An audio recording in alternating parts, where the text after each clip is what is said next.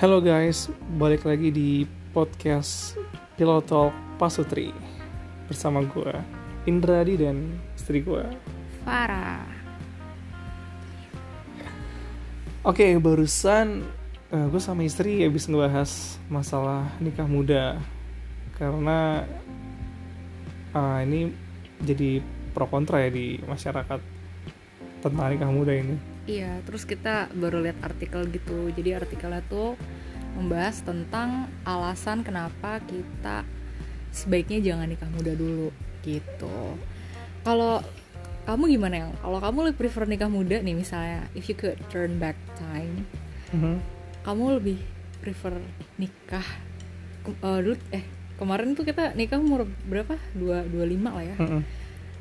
kamu prefer nikah umur segitu atau lebih muda lagi atau malahan pengennya ya tunggu sampai lebih tua dari itulah atau kemarin tuh udah ideal gitu menurut kamu gimana Kalau ideal itu kan tergantung ke masing-masing ya. Jadi eh, nikah tuh bukan karena ikut-ikutan atau karena kepepet waktu atau karena gimana, tapi ketika kita ngerasa udah mampu dan mampu ini dalam hal banyak hal ya. Yang lebih penting itu mampu secara apa? mental. Mental secara mental iya.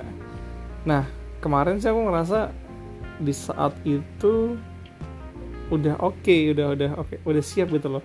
Karena pikiran tuh emang udah berkeluarga berkeluarga berkeluarga gitu. Mungkin udah cukup kali main-main kemarin ya. Nah makanya pas umur segitu tuh aku kemarin merasa dua dua berapa sih kemarin? Dua enam ya? Iya dua enam sih? 26 dua enam ya kamu ngerasa itu udah cukup? Iya menurut aku kemarin tuh maksudnya udah cukup sih. Pas ya? Iya. Kalau kamu gimana? Eh, aku kan umur 25 ya. Kita beda-beda tipis kan ya umur cuma beda berapa bulan ya. Berarti aku umur 25 mau ke 26 ya. Aku ngerasa pas juga sih umur segitu. Tapi setiap orang kan journey-nya beda-beda ya. Kalau aku sih ngerasa di umur segitu udah pas karena ya aku udah ngerasain single cukup lama ya 25 tahun terus ya pingin aja punya partner hidup hmm. gitu Nah, kalau kita kan mungkin bisa dibilang nikah muda lah ya hitungannya. Kalau di nikah sini, standar? di sini Standar dari IDN Times nih ada satu orang writer ya, dia eh, mengungkapkan opini dia. Ada tujuh alasan kenapa sebaiknya kamu jangan terburu-buru menikah muda. Ini bukan berarti kita menyarankan kalian untuk tidak nikah muda, justru ya kapan pun kalian siap ya menikahlah. Nggak peduli umur berapapun ya. Selama kalian bisa bertanggung jawab mampu menjalankan amanah ya silahkan menikah. Dan yang penting sudah menemukan pasangan. Karena kalau belum menemukan pasangan itu yang repot. Ini nggak ngomong siapa. Tapi emang intinya gitu sih. Setiap orang kan beda-beda ya. Tingkat kesiapan dan kematangannya gitu. Ya mungkin pas ada orang yang pas umur 19 tahun 20 tahun ternyata emang udah siap ya monggo gitu. Malahan Yep. ya bagus ya kan kalau dari sisi agama ya. Iya dan kita nggak boleh ngejudge nggak bener juga ya.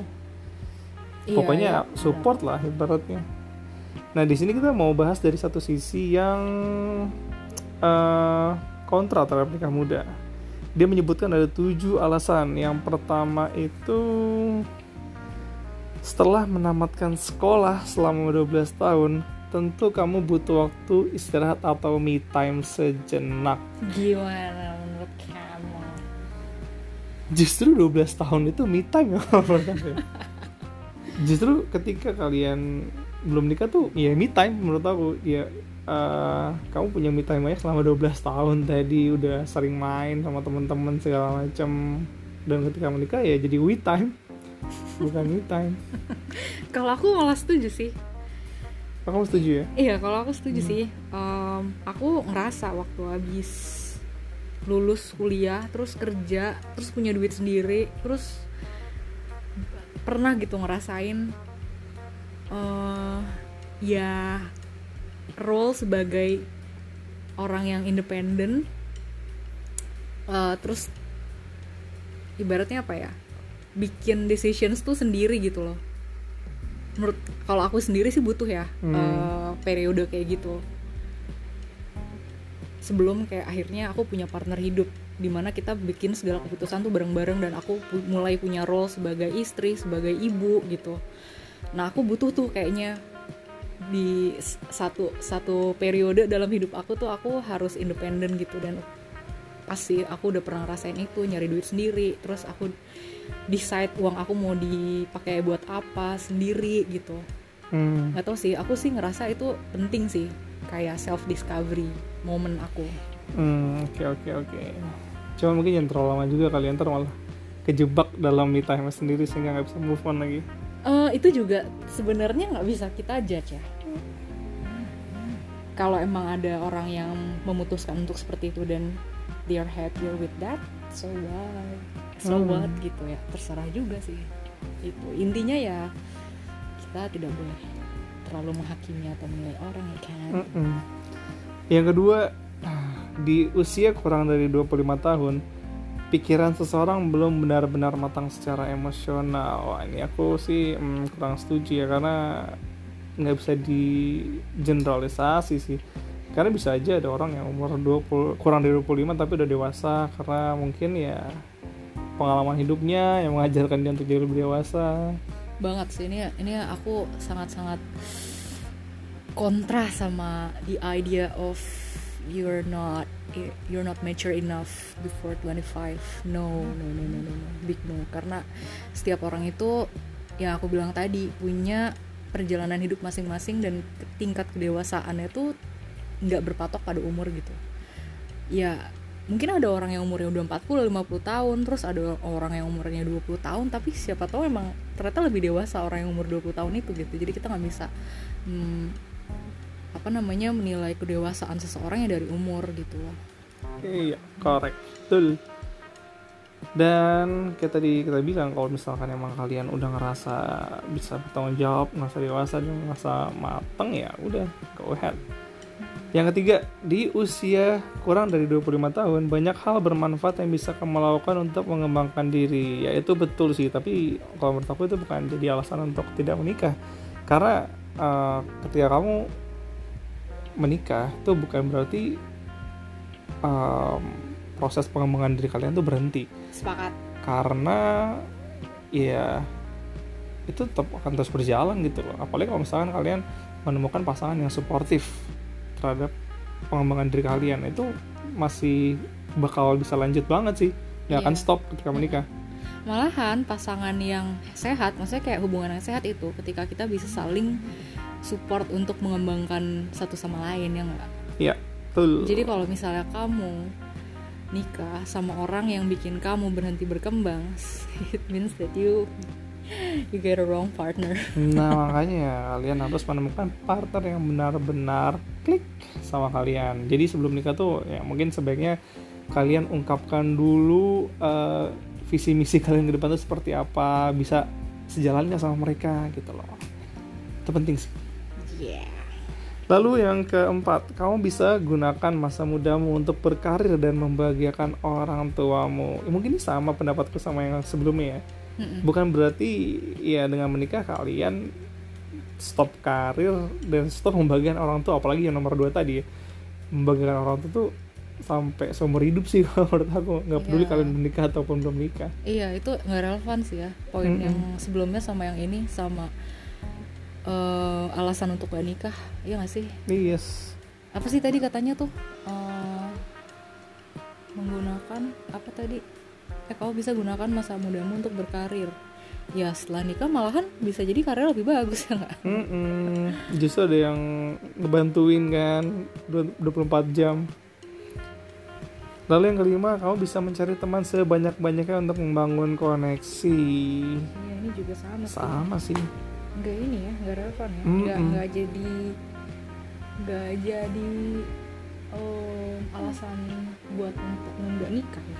Karena menurut dia itu ketika kamu berstatus single, kamu bisa leluasa untuk memproses lingkup pertemananmu.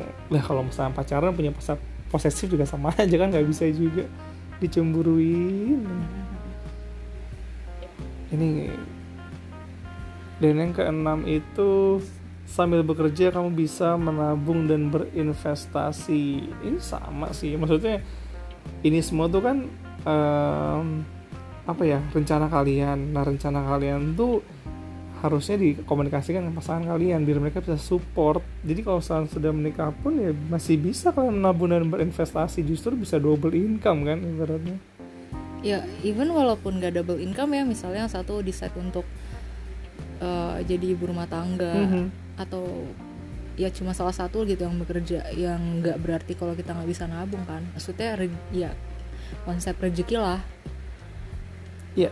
Hmm, pasti kalau udah nikah tuh insya Allah rezekinya kan bakal ditambah jadi itu bukan alasan Mhm. sih Dan yang terakhir, kamu bisa lebih bebas untuk pergi jalan-jalan sesuka hati dengan melakukan solo traveling. wah malahan kita malah jadi dapat travel buddy ya nggak iya sih. Tapi kalau misalkan emang seorang yang suka solo traveling ya mungkin ya benar. Cuman eh, kalau menurut kita itu is better than one. kalian punya kalian punya partner untuk traveling itu lebih asik daripada kalian solo traveling sendiri. Bahkan kalau misalkan pasangan kalian tuh eh, apa ya punya pikiran sejalan gitu itu lebih seru lagi. Travelingnya bisa sejalan gitu loh. Nah. Intinya apa tuh? Dari tujuh alasan itu kira-kira intinya sih? ya ada yang make sense ada yang um, masih bisa di komunikasiin lah maksudnya sama pasangannya jadi bukan jadi halangan untuk tidak menikah gitu loh Oh iya iya. iya. Intinya harusnya sih- tuh alasannya emang lebih apa ya? Lebih dari sekedar hal-hal yang kurang itu kayak kurang apa ya? kurang dalam ya Iya kurang dalam gitu loh. Hmm. Harusnya tuh misalnya um, udah nikah ya mungkin lebih hal-hal yang lebih prinsipal mungkin ya, bukan hal-hal kayak gitu ya. Mm-mm, yang- kayak mungkin dia jadi tulang punggung keluarga gitu kan harus membiayai keluarga Iya, dulu intinya hal yang lebih prinsipal sih, bukan Mhm. hal-hal yang tujuh alasan tadi tuh kayaknya kurang sih, kurang enak gitu. Mm-mm, apalagi kalau misalkan tentang rencana-rencana kalian di masa depan yang takut terhambat kalau sudah menikah itu sebenarnya nggak jadi alasan kalian bisa mengkomunikasikan hal-hal tersebut ke pasangan kalian nah kecuali misalkan kalian ngerasa kayaknya pasangan gue ini uh, kurang support ya sama rencana-rencana gue ke depan. Tuh mak- mungkin kalian bisa mengkonsider ulang rencana pernikahan kalian dengan dia gitu loh. Jadi ya intinya um, find the right person uh, who can support you. Terus apa namanya be mature enough. And ya kalian harus siap pokoknya untuk menikah. Nggak per- nggak nggak nggak peduli umur berapapun ya. Iya, dan jangan cuma ikut-ikutan orang doang gitu. betul betul. Pokoknya ya itu benar-benar keputusan personal deh gitu. Maksudnya jangan bikin keputusan yang cuma karena kalian tuh ngalamin yang namanya tekanan dari orang tua dari teman-teman Mhm. gitu jangan cuma karena social pressure aja. Betul emang benar-benar dari diri kalian tuh udah yakin udah siap gitu loh. Karena it's once in a lifetime moment Yes, dan buat yang belum nikah pun jangan bersedih pengen cepet-cepet nikah, santai aja, tenang banget, aja, banget, banget, banget. fokus aja dulu kayak misalnya tadi mau mengembangkan diri Jangan sambil nyari-nyari, ya. iya sambil nyari-nyari orang yang tepat gitu loh.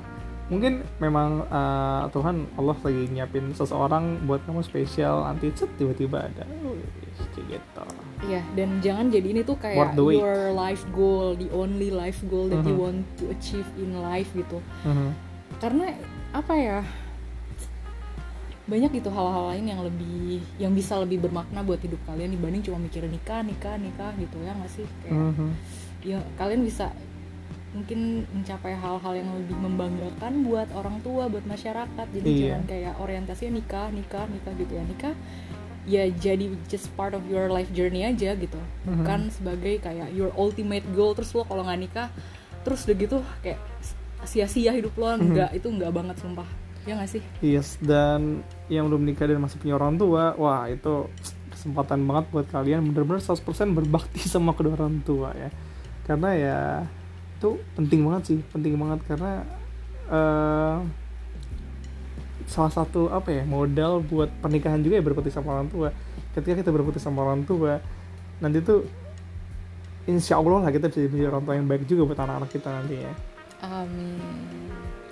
kayak gitu mungkin eh, kali ini segitu dulu segitu kali dulu ya. kali ya pembicaraan tentang nikah muda. Jadi intinya siapa pun di sana mau kalian udah nikah belum nikah, ya selama itu menurut kalian tepat jalanin aja. ya yang penting kalian tuh happy jalanin hidup ini gitu Yes, betul. belum tentu yang udah nikah itu lebih happy daripada yang belum nikah atau Dan sebaliknya, sebaliknya. gitu Mm-mm. ya Oke kalau gitu kita cabut dulu sampai ketemu di Pilotol Pasutri selanjutnya. bye Ciao.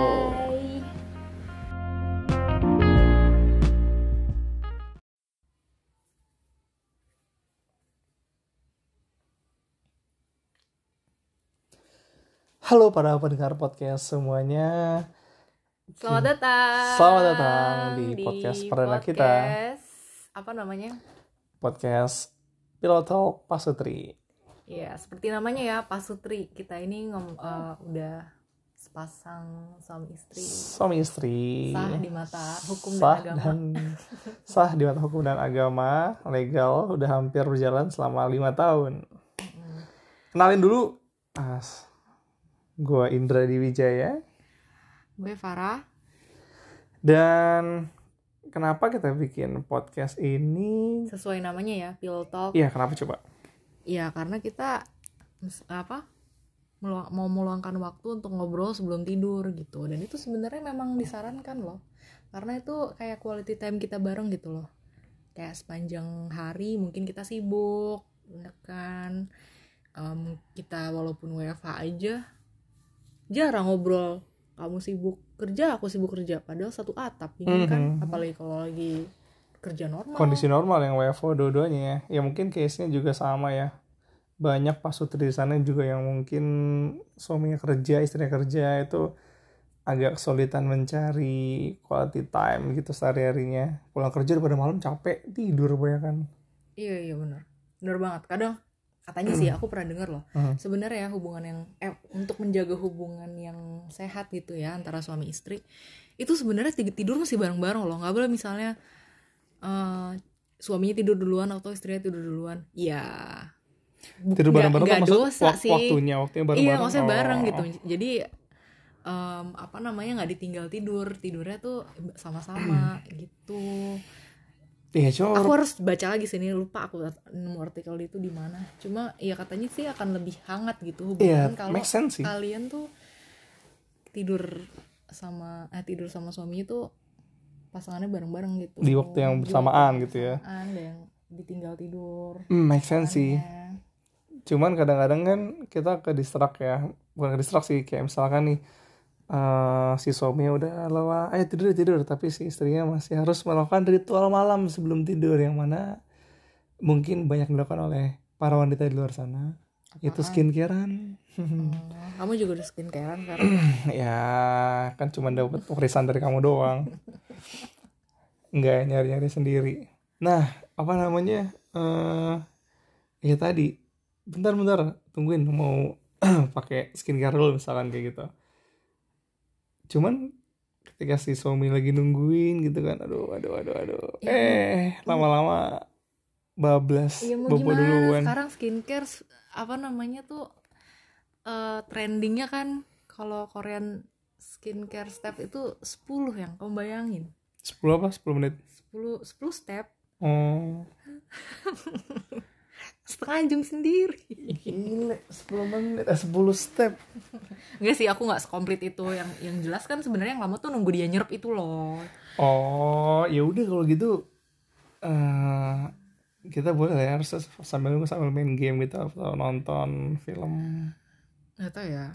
Kok pada kenyataannya sulit sebenarnya. Makanya kita bikin podcast ini sih. tuh emang harus biar kita berkomitmen gitu loh. Karena seringnya ya entah aku tidur duluan kamu tidur duluan ya gitu aja terus sampai corona kelar Ya makanya mungkin eh, nggak cuma kita eh, doang kali ya, tapi semua juga banyak kali yang mengalami hal yang sama ya.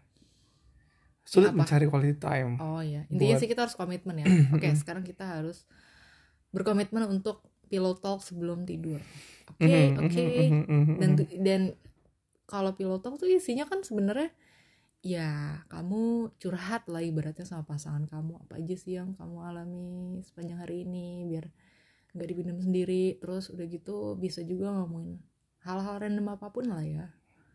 Itu loh. Biar kita makin eh, hangat hubungannya. Betul mau yang dari hal-hal receh sampai yang serius gitu ya ya Betul cuma jangan serius-serius banget sih kayak ngomongin politik atau apa gitu nggak kali apa-apa ya. tahu itu kan namanya eh, menstimulasi apa namanya tuh pola ber, apa namanya critical thinking Alah. Iya, cuman kayaknya pagi aja sih kalau itu. Soalnya kalau mau tidur kan kayak kita badan tuh nggak boleh kena makanan berat sebelum tidur. Pikiran juga gitu kali ya, nggak boleh mikir yang Nggak berat-berat sebelum tidur nggak harus dalam sih- kondisi relax, tenang, biar tidurnya pules. eh kalau misalnya kamu ngo- mikir berat lama-lama ngantuk itu bisa Ih, jadi tapi trigger buat ngantuk Tidurnya juga tuh loh. beban. Jadi kayak orang tidur tuh mikir gitu kan, bangun-bangun tuh langsung muka tuh cemberut gitu loh kalau mikir kalau misalkan relax santai kan muka tenang bangun-bangun tuh happy kalau misalkan ketiduran gara-gara mikiran berat tuh aduh itu sampai ke bawah mimpi itu iya. kenapa ya Jokowi ngasih keputusan kayak gini? Iya wah nyebut merek lagi Jokowi.